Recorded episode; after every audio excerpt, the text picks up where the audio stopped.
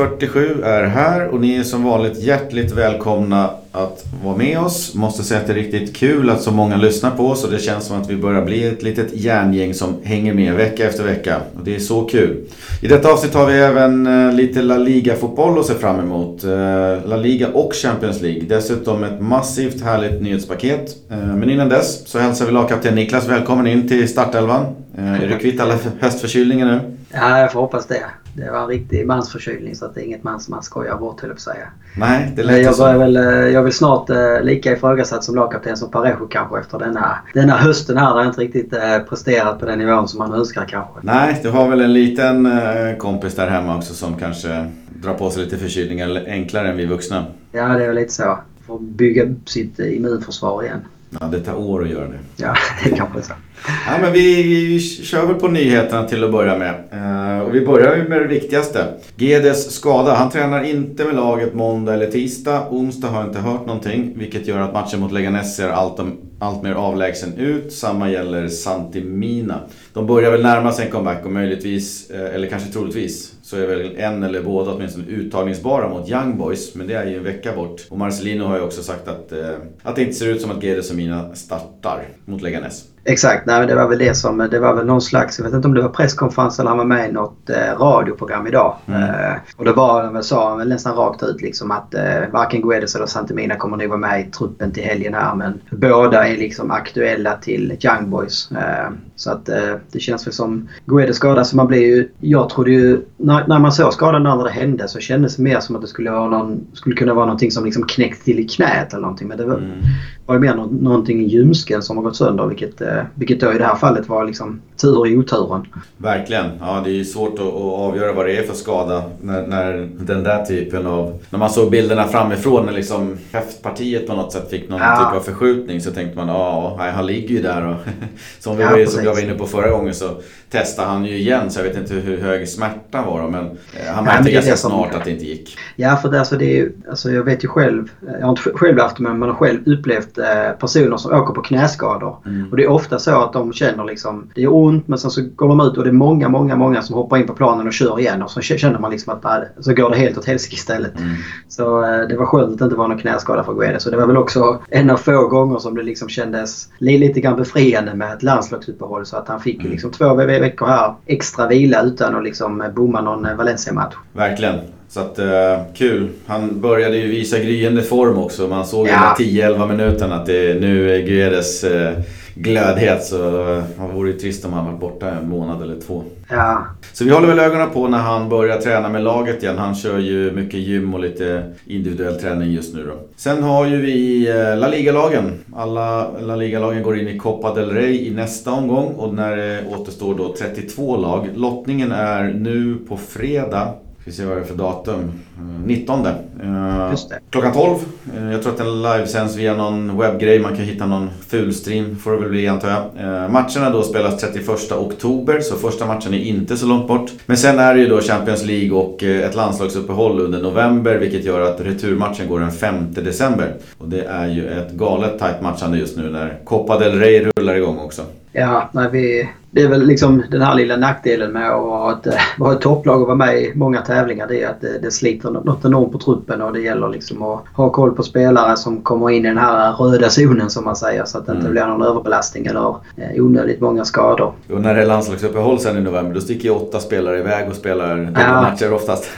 Det är, precis, det, är det, som, det är det som också är lite nackdelen nu att Valencia börjar bli bra. Att man har iväg så många på landslagsuppehåll. Skulle man liksom bara rent egoistiskt tänka på Valencia så är det ju skönare att inte ha så många spelare som är landslagsaktuella. Men samtidigt så är det ändå ett kvitto på att man liksom gör någonting rätt och att eh, spelarna förhoppningsvis också får energi och utvecklas ännu mer av att få representera sitt land. Verkligen. Det är det de, de vill ju spela Champions League-matcherna och de vill ju spela liksom La Liga-matcher och de vill ju spela landslaget. Så det är klart de ska klara alltså, av det där. Det är väl, du och jag har väl haft en lite annorlunda syn på det här med roteringen. Marcelino han, han verkar vilja rotera mycket mer än vad både du och jag tror jag anser behövs i alla fall. Så vi får väl se hur det går. Så är det ju. Det är väl, eh, men det, vi får väl se om Marcelino i det långa loppet får rätt. Liksom. Alltså nu mm. börjar vi komma in i en period när jag börjar anse att eh, hans, eh, alltså om, om hans rotationer var rätt så är det nu snart som det liksom ska börja ses när vi möter de här lagen som, som kanske då inte har de här breda trupperna som har kört på med samma manskap från liksom ligomgång 1 och hela vägen. Nu, nu ska ju Valencias då breda trupper roterande kunna ge lite frukt i så fall. Det är nu jag ska casha in egentligen. Eh, för att vi har haft lite halvtajt spelande fram till det här landslagsuppehållet. Och nu är det ju sju matcher på 21 dagar. Så rotationer kommer det säkert bli. Men man vill ju också se att, att den här roteringen som han ändå har gjort redan så tidigt på säsongen nu kanske börjar bära frukt. Att andra lag kanske är lite slitnare medan eh, Valencia då tuffar på. Ja, plus att det borde ju också vara så att om Valencia har gått runt på många spelare så borde det vara att många är närmare formen i alla fall om man säger mm. så. Om man då säger att de andra lagen nu tvingas rotera på grund av småskador eller slitna spelare så borde det ju märkas mer när de kastar in spelare 15-16 som kanske inte spelat innan och inte har samma kvalitet som Valencias bredd. Så att det är ju verkligen i, i den här det här läget av säsongen som det ska vara stor skillnad mellan att vara liksom ett topplag och ha de trupperna och ha kunnat rotera innan eller då vara ett lite mindre lag om man säger så. Ja, vi håller tummarna. Det ska bli spännande att se och de spelarna som var iväg på landslagsuppehåll kan vi dra lite snabbt. Gaia fick eh, 90 minuter i träningsmatchen mot Wales men satt på bänken då hela tävlingsmatchen mot England för Spanien. Och så var det lite tvärtom för Rodrigo då som fick ett inhopp eh, i träningsmatchen och sen 72 minuter mot England då. Ja, han skulle väl ha haft en straff där va? Ja, det, var, det skulle han ha haft. Sen så hade väl också lite...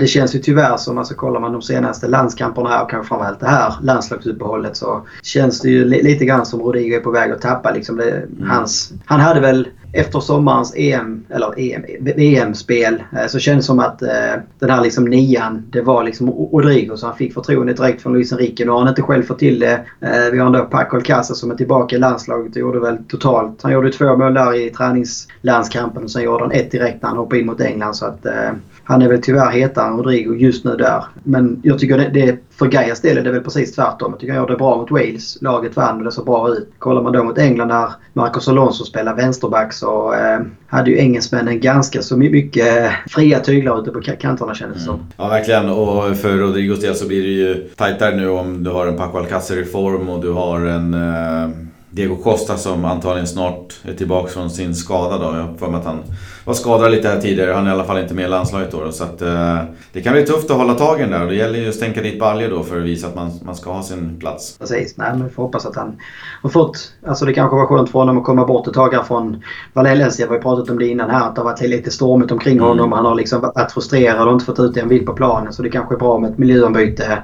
Eh, även om han inte liksom fick succé i landslaget så eh, var det ändå lite ny luft och ny miljö ett, ett tag, tag i alla fall. Och förhoppningsvis nu är han revanschsugen och kunna fortsätta kriga om sin landslagsplats och börja komma igång i Valencia. Verkligen. Och en annan som får speltid det är eh, Jason Morillo. Han får speltid i Colombia. Batshuayu fick en halvlek i träningsmatchen för Belgien. Cherisher var ju relativt pigg i Ryssland och har tagit en ordinarie plats där i laget. Vi har ju Kondogbia i Centralafrikanska republiken har ingen superkoll på hur duktig han har varit men han har i alla fall spelat två matcher för dem. Eh, kryssar bland annat mot Elfenbenskusten och det, det, finns lite kvar att uträtta innan eh, man når Afrikanska mästerskapen. Och så fick ju Puccini två inhopp, det trodde jag aldrig. Nej, det var väldigt spännande och det var väl eh, förhoppningsvis alltså det känns som att jag upprepar mig här men det, det kan, kanske också är något sånt här som han behöver. Alltså, vi har pratat om det tidigt i podden på denna säsongen att han är ny i laget och man liksom får ändå ha lite tålamod och ge honom tid och sådär.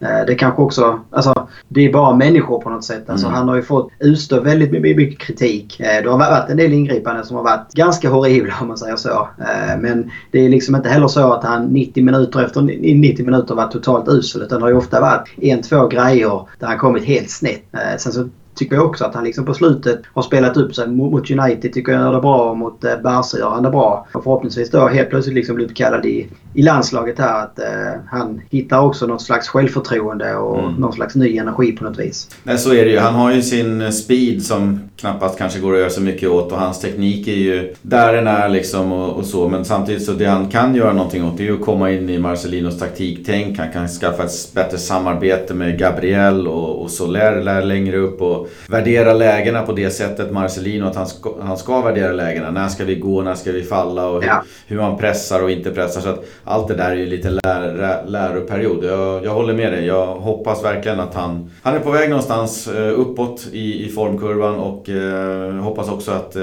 de två inhoppen för Italien fick eh, ge honom lite självförtroende-boost. Känna att, eh, att han är med i hetluften och kommer behöva kämpa liksom för att behålla platsen i italienska landslaget. Precis. Nej men det känns väl också, som alltså hela hösten här på Valencias del har ju blivit... Jag tror alltså, det är inte så att Valencia helt plötsligt är ett så mycket sämre lag eh, som man stundtals har sett ut. Utan det, mycket har ju säkert varit liksom psykologiskt också. Liksom, att det satt sig på huvudet hos spelarna. Det har inte funnits sånt självförtroende. Så ju fler spelare som liksom börjar få självförtroende och kan brösta upp sig på träningarna desto fler kan de ju dra med och liksom till sist få igång den här maskinen och få in ett självförtroende i gruppen på något sätt. Så på det sättet så är ju det här bara positivt för Valencias del. Verkligen och det är ingen som snackar om att eh, i Barcelona ett eh, fem poäng sämre lag än förra året och i eller Real Madrid och Atletico fem nej, poäng sämre än förra året. Att, nej, nej, de är nere i en liten svacka bara. Och det, det, tycker jag liksom om Valencia är fem poäng sämre än förut. Då hade Valencia ja, haft 14 då och varit med och huggt på toppplatserna. Så jag känner också att Valencia är precis likadant nere i en liten svacka här. Så att, uh...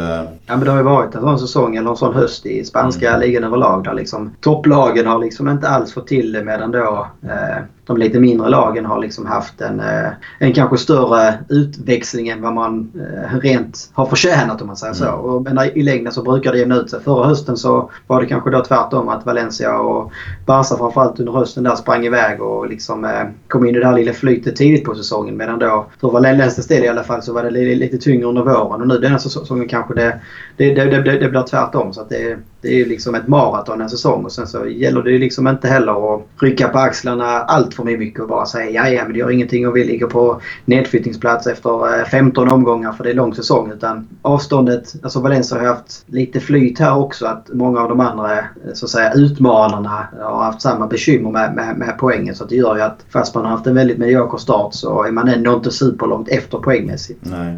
Det som stör lite grann det är att när Real redan har tappat 10 poäng och Barcelona redan har tappat 9 poäng. Det är ju de här säsongerna man vill att eh, Valencia skulle vara på hugget och det var det man hoppades på ja, också. Ja. Men uh, hmm, det finns tid fortfarande. Ja, nej, men det är väl som du säger. Alltså, det är frustrerande då man ser. Man hade hoppats att Valencia skulle vara där Sevilla är kanske. Att man liksom tagit chansen nu när de här jättarna så att säga har verklat under hösten och kunna skapa sig ett eh, litet försprång där uppe och liksom kunna sätta press på, på, på Real och Barca framförallt kanske men även att Atletico som inte heller kanske har kommit igång till 100%. Nej.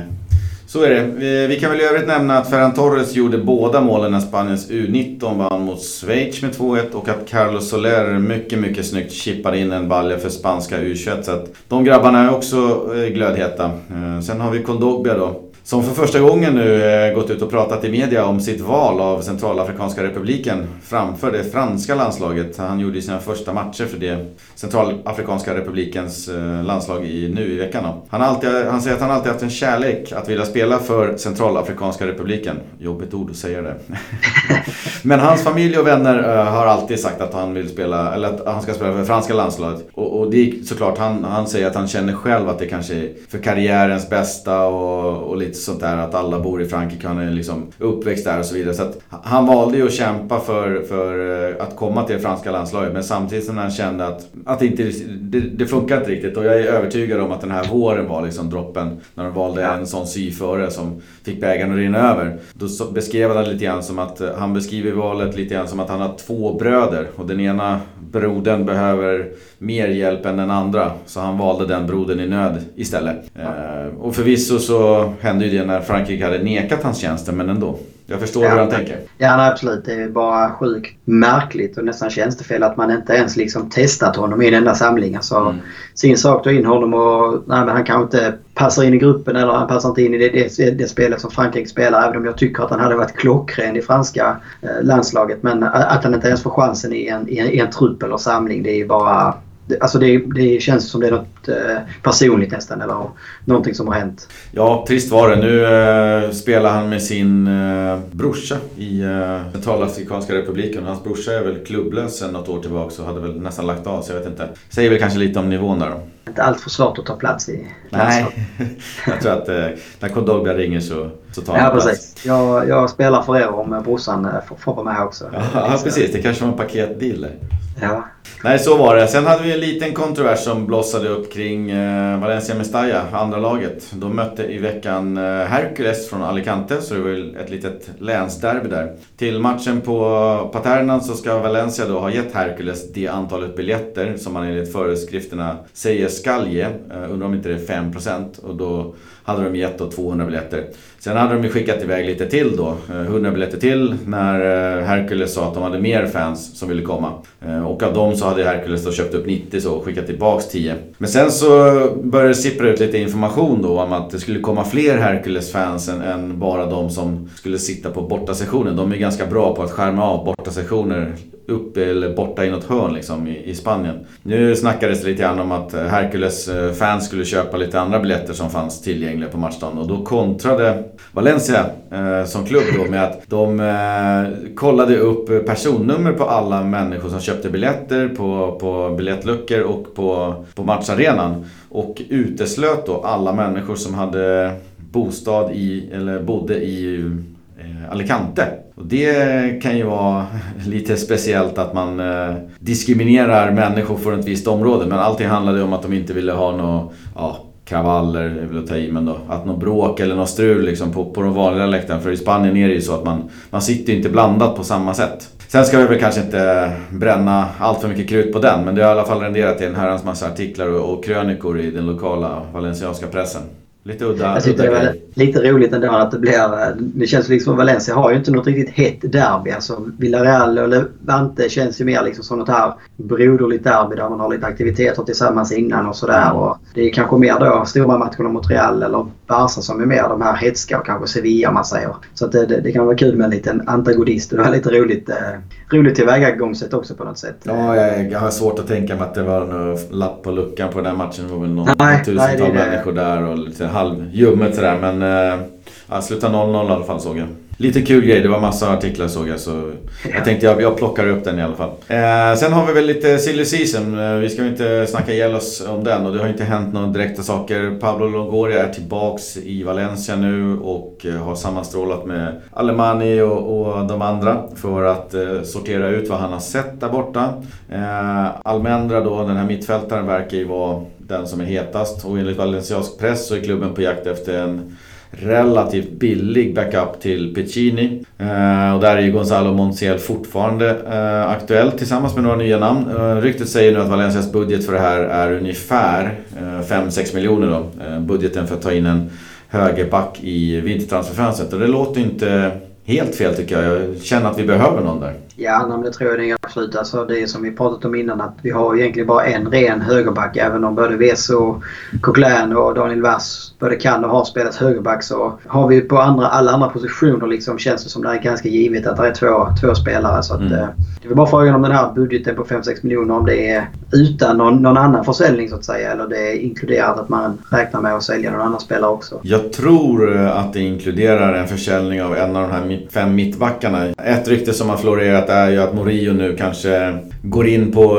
sista slutauditionen nu, eh, nu på hösten här för att visa eh, Är det han som ska få vara kvar eller är det han som ska Ja. offras i vinterfönstret? Och känslan är också att det finns någon liten fnurra på tråden mellan colombianen och Marcelino. För när Marcelino har ju aldrig riktigt kommenterat varför han petade Morillo i våras när han var tillbaka som skadad. Han satt ju på bänken jättelänge och alla undrar varför får han inte spela? Den lirade Vieso istället. Men han har egentligen bara svarat eh, till varför Morillo var petad i våras och nu i höstas med att eh, konkurrensen är hård och de, hans konkurrens då, de andra backarna visar större arbetsmoral moral och etik. Och för mig så osar det en begraven hund lång väg här. Ja men så är det ju. Och det känns ju också. Jag menar, kollar man på de fem mittbackarna vi har så har du Gabriel och Garay som liksom kanske är då eh, prio 1 och 2 om man säger. Och då, de, de som spelar om de är friska och krya. Sen har du en Diakby som precis är inköpt. Så de tre är väl liksom untouchables att sälja. Så då står det kanske då mellan Morio eller Veso. Och då tror jag ju de flesta valencianistas eh, varje dag i ve veckan hellre skulle sälja Veso på något mm. sätt. Men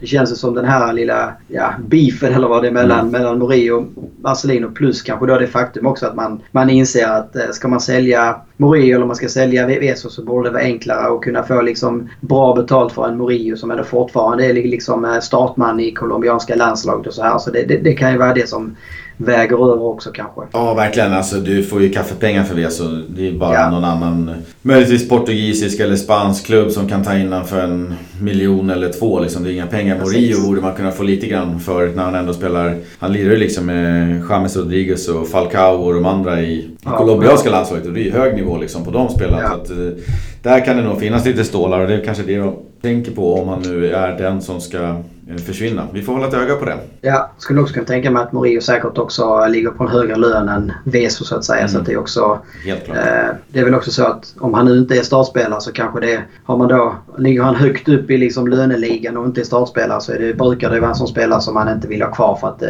man vill ha lite balans i det där på något vis. Jag tycker det har varit så bekvämt på något sätt när vi har haft Garay eh, och Gabriel och Morio. Liksom tre sköna, ja. bra mittbackar som man kan där har du ju rotationen tycker jag, liksom, om du ska rotera. Ja. De börjar lira Diakby och liksom, nu ska man kanske ha Veso där som en tredje eller fjärde back. Det känns inte, det känns inte alls lika bra. Nej, det hade varit tråkigt om Morio försvinner. Alltså, nu har det blivit som det blivit med situationen att han inte får spela så mycket. Så då kanske det är lika bra att sälja honom. Men alltså kollar man på det han presterade i fjol när han fick spela regelbundet så tycker jag också att han absolut... Alltså då, då skulle jag sätta han på samma nivå som Garay och eh, Gabriel egentligen. Att de tre är ganska likvärdiga. Mm.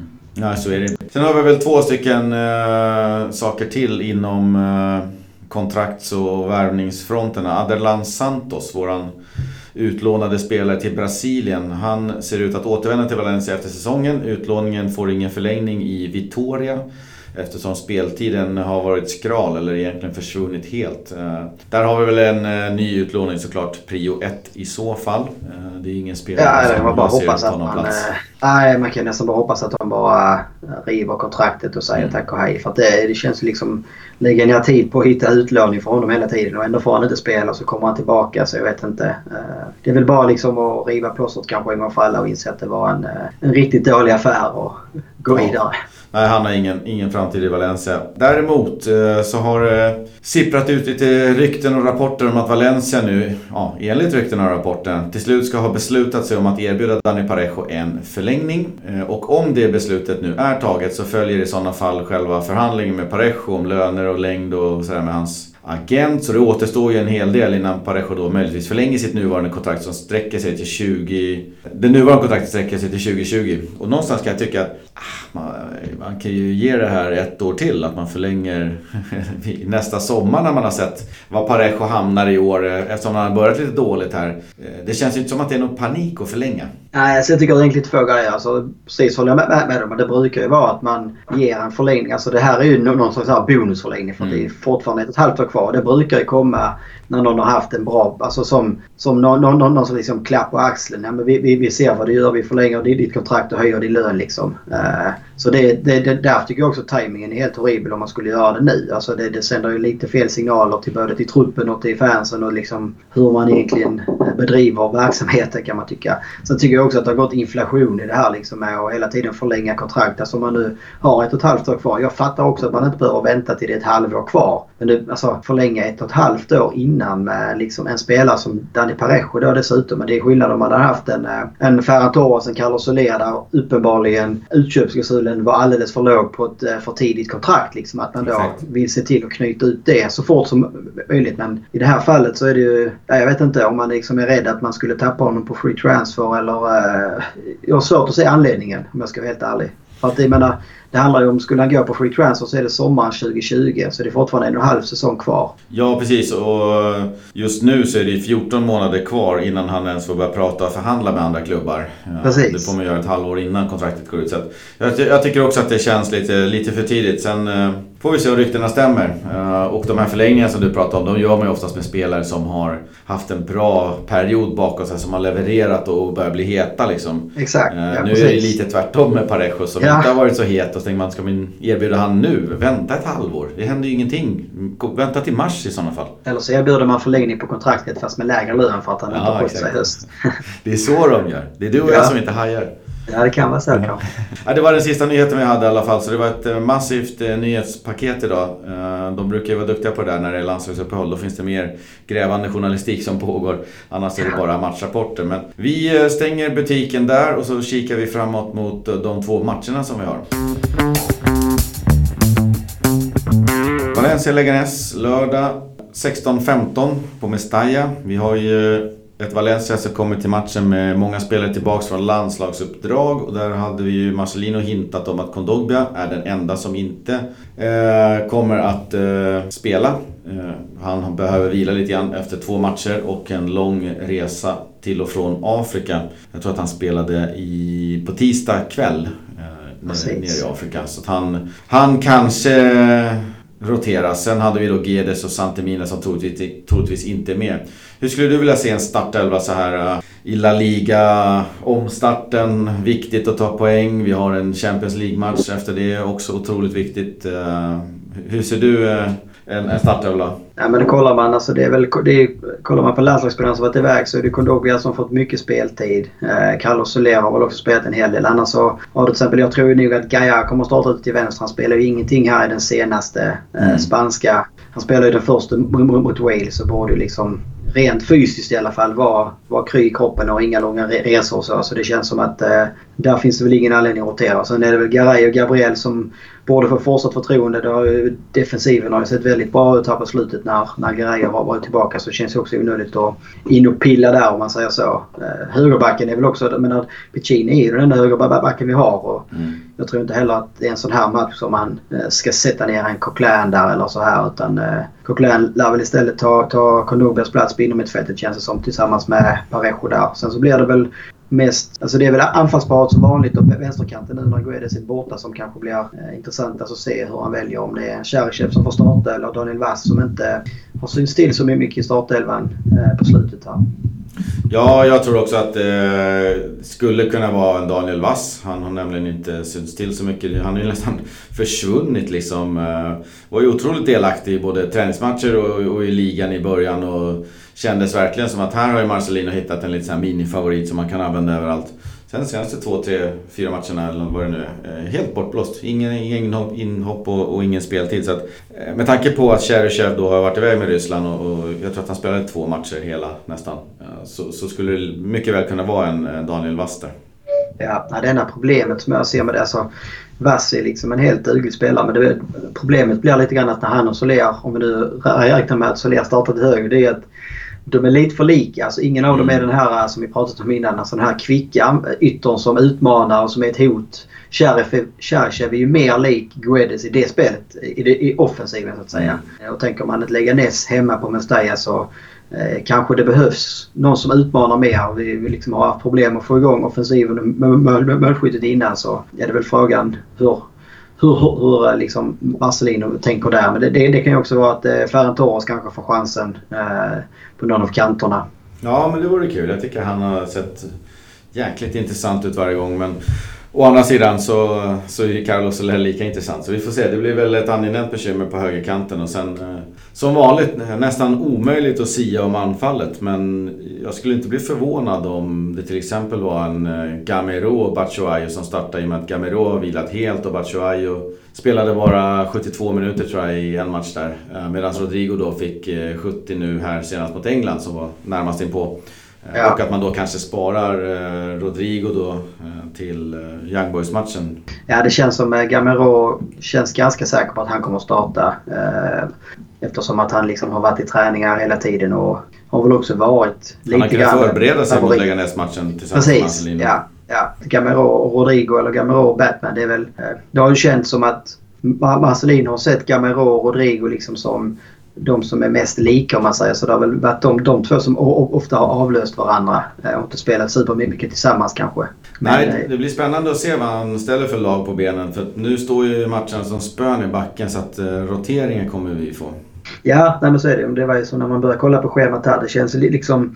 Leganes hemma här, det är ju en måste-match. Alltså man har, det finns ju inget annat än, än att ta tre poäng och börja liksom eh, avancera i tabellen. Man har inte, efter den här starten har man inte råd med några, några fler liksom snedsteg och, och poängtapp. Utan det, det är bara tre poäng som gäller. Så därför har man inte råd att eh, rotera runt allt för mycket och liksom vaska den här matchen på något sätt. Eh, sen så är väl, kollar man på Leganes så har man ju tagit alla sina poäng på hemmaplan. Man har ju fortfarande man har väl fyra bortamatcher, noll poäng och två åtta mm. målskillnad. Så det är ju det är kanske inget lag som skrämmer på det sättet men eh, vi har ju sett Valencia tappa poäng mot äh, sämre lag tidigare. Ja, verkligen. De har ju nio mål gjorda och det är klart godkänt men 13 insläppta totalt. Och det skvallrar ju om en defensiv som Valencia borde kunna dra nytta av och kanske liksom...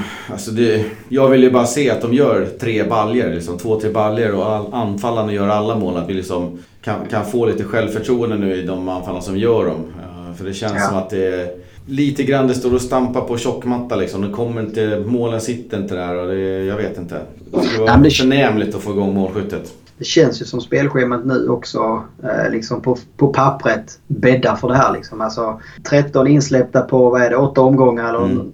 någonting. Eh, så det vittnar ju om ett lag som liksom har haft, har haft svårt att hålla tätt bakåt om man säger så. Framförallt då på bortaplan där man släppt in 8 eh, av de här 13 målen. Så det känns ju som att det kanske, alltså när man suttit här och liksom varit naiv vecka efter vecka och trott att nu kommer ketchup-effekten, nu kommer vändningen liksom. Och den har fortfarande inte kommit. Även om man tog en seger där så var ju liksom inte det någon sån här wow-upplevelse eller att det liksom kändes som att det, det var en vändning. Utan eh, det var mer en krampaktig seger kanske och sen följdes det upp med ett nytt kryss igen. Men det känns som att Valencia behöver den här ja, 3-4-0 segern för att liksom trampa igång och liksom känna självförtroende och få energin tillbaka i laget och liksom eh, få energi och, och liksom lite Ja. Alltså man känner att det som man tränar på, liksom, Marcelinos anfallstaktik, det, det de jobbar på hela dagen, att man känner att nej men det funkar. Nu känns ja, det lite som, funkar det verkligen? Och desto längre det går, desto mer frågetecken kanske dyker upp i någons huvud och man kommer med några andra idéer och börjar skruva på saker och ting. Så att ja. det behövs en islossning nu så man vet att nej men vi är på rätt väg, vi gör rätt saker.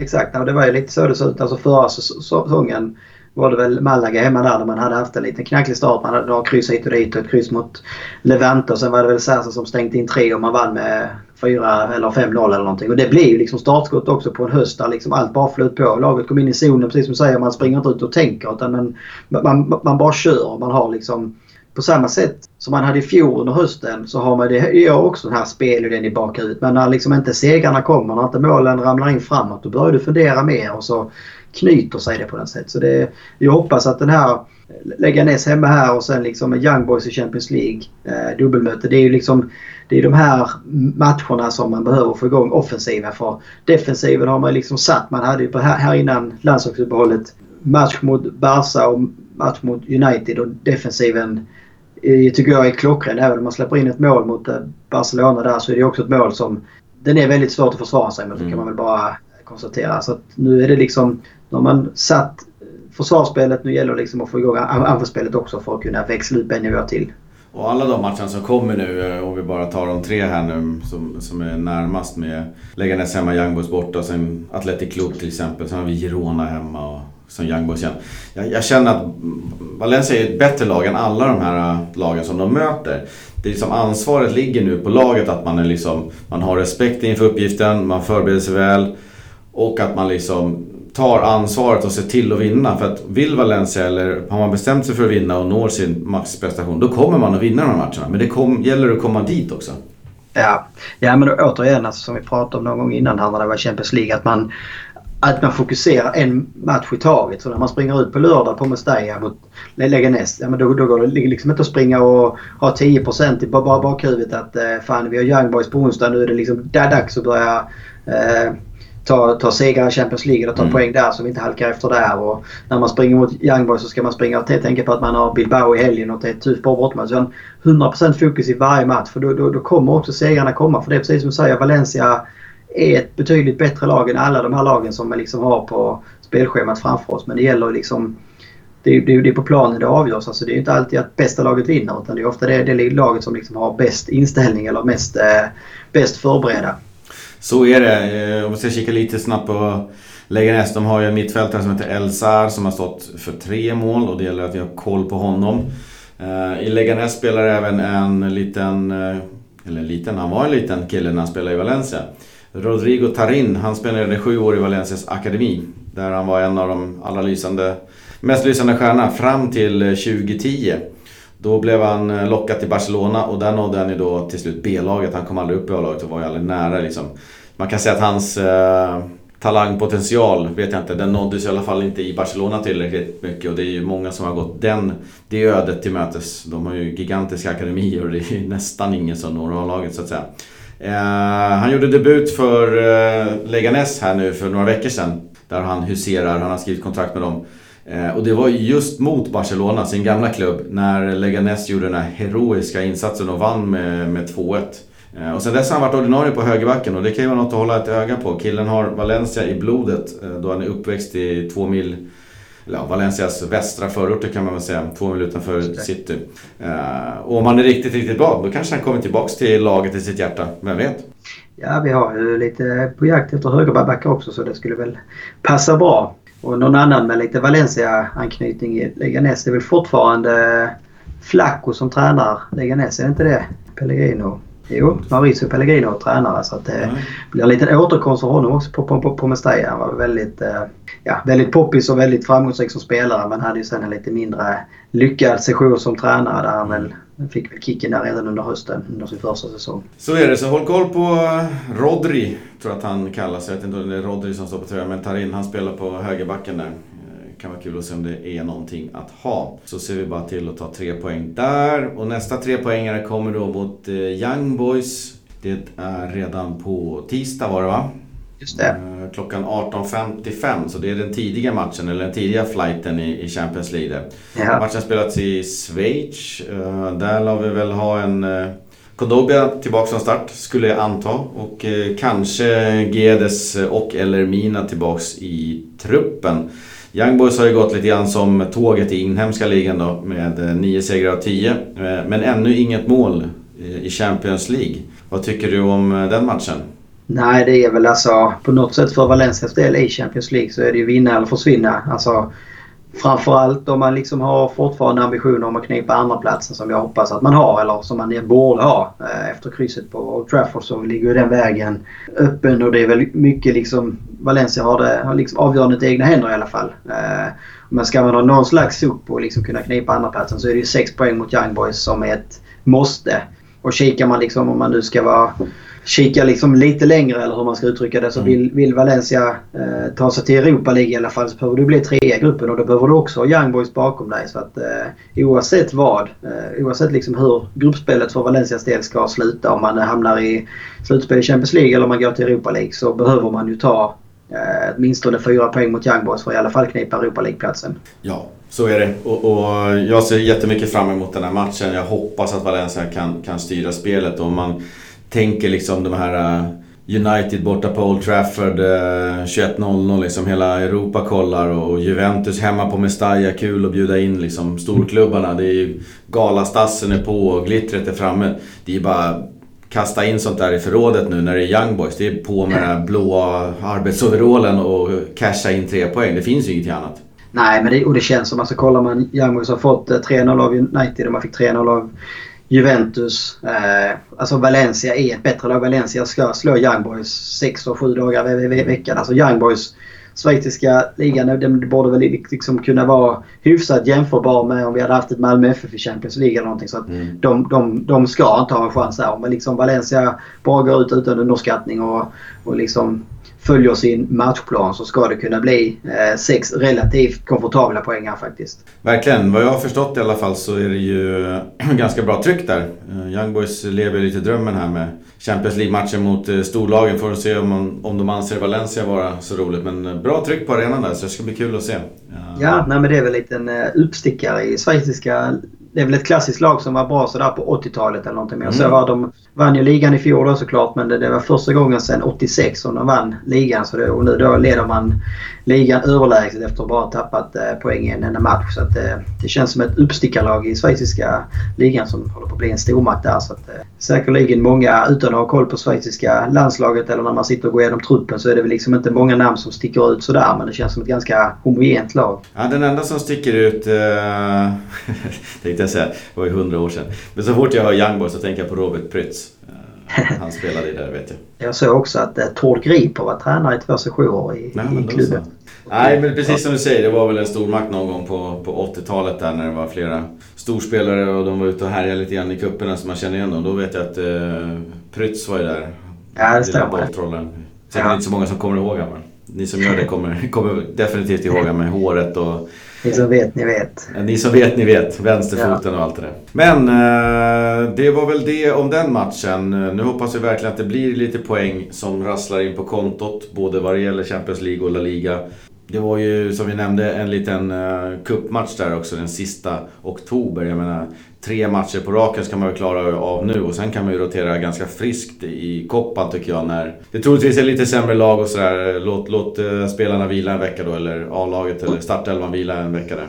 Alltså så blir det intressant efter dubbelmötet här med Young Boys så kommer väl det komma upp liksom en diskussion igen kanske. Alltså vad som egentligen är det optimala för Valencia när det gäller Europaspelet. Alltså den, den tredje utvägen när man då säger att nej, men inget Europaspel är bäst. Den är väl egentligen utesluten för det handlar trots allt om att vinna. Man måste ju vilja spela så många tävlingar som möjligt att vara med och liksom kriga där. Du tänker på men, Europa League? Ja, nej, men alltså, tänk om, om, vi, om man tänker att det finns tre alternativ. Det ena är att vi, att vi lika gärna kan bli sist i gruppen för att bara fokusera på ligan. Så kan vi kanske stryka det alternativet direkt för det borde inte vara ett alternativ för någon. Och sen så är väl då de två andra alternativen. Det är ju då, vill vi gå till slutspel i Champions League eh, och då riskera liksom att kanske få en eh, jämnbördig lott i åttondelen men kanske då sen få ett lite tuffare i, i, i kvartsfinalen och så är äventyret slut. Eller vill man då hellre kanske sluta trea i gruppen, komma till Europa League där man liksom i så fall skulle liksom vara en av favoriterna till att ta hem, ta hem hela turneringen på något sätt. Det är ju, mm. Ja, alltså för mig är det inte helt självklart. Alltså, å ena sidan så är det klart att man alltid vill att Valencia ska tävla liksom i den finaste av tävlingar och, och mot de bästa lagen och, och hela den biten. Eh, men samtidigt så känns det också som jag och många fans som mig också törstar efter en titel på något sätt. Ja, det är, alltså en Europa League-titel vore ju fantastisk men eh som sagt, får man välja här så väljer man kanske hellre en, en semifinalstint eller någonting i Champions League. Eh, eller ja, allra helst en final då. Men en, en, en, lång stint och en bra insats i Champions League. Liksom. Det, eh, dels för att eh, jag tycker de stora pengarna finns ju där. Det är ju rätt så mycket pengar som ramlar in på kontot och tar sig till en semifinal till exempel. Nu tror jag att en vinst i Europa League ger en hel del också i men, ja, jag vet inte. Jag tänker också liksom att skulle man liksom ta den skulle man ta hem Europa League så är det ju bara det är, det är äran och det är pengar. Men det, det, det är också liksom en Champions League-plats säkrad kommande mm. år om det nu liksom skulle skita sig i, i ligaspelet efter den här tunga starten och där Sevilla ser, liksom, eh, ser starka ut i år och sådär så kanske det, det liksom kommer att bli en tuff kamp om den här tredje fjärde platsen i ligaspelet. Så där, på det sättet så kanske det också ett, ett Europa League-slutspel eh, skulle vara föredra. Men ja, det, det är bara spekulationer. Och, ja, det finns väl goda eh, resonemang för båda, båda sidorna egentligen. Och än så länge så hoppas man ju ändå att liksom Valencia kommer att gå in med 100% och ta 6 poäng mot Young Boys. Sen så har man ju då en mellanomgång mot Juventus borta där eh, alla poäng som ramlar in där är väl en bonus och sen så blir det väl då förmodligen en ren liksom, avgörande match på Mestalla mot eh, United i sista omgången. Ja, kör för allt vad tygen håller så får vi se vad det räcker till. Ja, kan väl eh, kolla lite på den här scorecasten då, då. Jag ska bara rätta till tabellen lite. Vi hade ju eh, Varro. Han hade ju fått med 1-1 mot Barcelona såklart. Det hade ju redaktionen missat. Eh, ja, just det. hade missat. Men han påpekade det och det gjorde han helt rätt i. För han är nu uppe på en delad tredjeplats med mig och Oskar eh, med tre poäng. Så har vi Lasse på sex. Men om vi kikar på Lägganäs hemma där, vad, vad har du för tips? Nej, det blir 4-0 nu. Mm. Det är helt klart. Ja. Och Gedes. ja. ja, det var ju inte han. eh. Nej, men eh, jag har ju suttit och eh, lusläst expected goals där när jag började vara sjuk och när det var landslagsuppehåll. Och kollar man på det så är det ju givet att det är Gamero som ska göra mål för Valencia nu. Det ligger i fatet liksom. Det, är- det är bara en tidsfråga. Så är det. Jag har också sett att han, jag tror att vi var inne på det om det var förra eller förrförra att han, eh, nej det var väl du som Carl nämnde det va? Att eh, Ja, just det. Just han det. Ligger lite in efter i expected. Precis. Jag, eh, jag ska inte vara mycket sämre. Jag tar 3-1. Jag tror man slarvar in en balja där. Och jag tror att det kan vara dags för Parejo och en straff Ja. hemma på Mestalla. Alla skriker sig hesa och så. Klarar han lägga straffar nu då? Efter bommen senast? Eh, det ska väl det var vara intressant. Rodrigo in i det kanske. Jag vet inte. Ja, ja, det blir intressant att se när vi får en straff här. Han har ju varit alltså, given och han har ju faktiskt alltså, oavsett vad man tycker om Parejo hit och dit så har han ju varit väldigt säker från straffpunkten. Men efter bommen där senast eh, mot eh, Juventus var det väl. Mm. Så det är frågan om han fortfarande liksom är straffskytt eller det är, det är någon annan som ligger för. Och Rodrigo har väl dragit in honom också när Parejo inte varit på planen och sådär. Men Sen Ja. kanske man ska ta in i kalkylen att om nu Vass spelar någonting så kanske han drar frisparkarna. Jag. Ja. Jag står kvar vid Parejo. Vi hoppas att eh, resultatet sitter i alla fall om inte annat. ja, Men det var det vi hade för idag. Uh, härligt att matcherna är igång igen och nästa vecka så har vi ju jättemycket att både snacka upp och ner så får vi se eh, om vi har med oss en gäst i form av Erik då. Han eh, är sugen på att vara med och vi är sugen på att vara med honom men eh, när uh, schemana inte riktigt passar så har det blivit två stycken poddavsnitt här nu utan Erik som det har varit planerat att han skulle vara med på båda då. Eller i alla fall en av dem. ja. Vi samlar ihop alltså. Vi har ett eh, matnyttigt avsnitt när vi väl får med Erik. Ja precis och nästa vecka om vi ska snacka ner två matcher och snacka upp två matcher så, så blir det ju kanske bra om det finns tre strupar som kan prata lite. Precis. Ja, precis. Ja, Kanske blir lite längre avsnitt också. intensivt poddande här framöver när de spelar så här tidigt. Ja men det är bra. Jag gillar intensivt poddarna. Jag hoppas ni gillar det också och eh, orkar hänga med oss. Vi eh, stänger ner den här butiken för den här gången eh, och hoppas på lite poäng på kontot med ett eh, hasta luego. Hasta luego.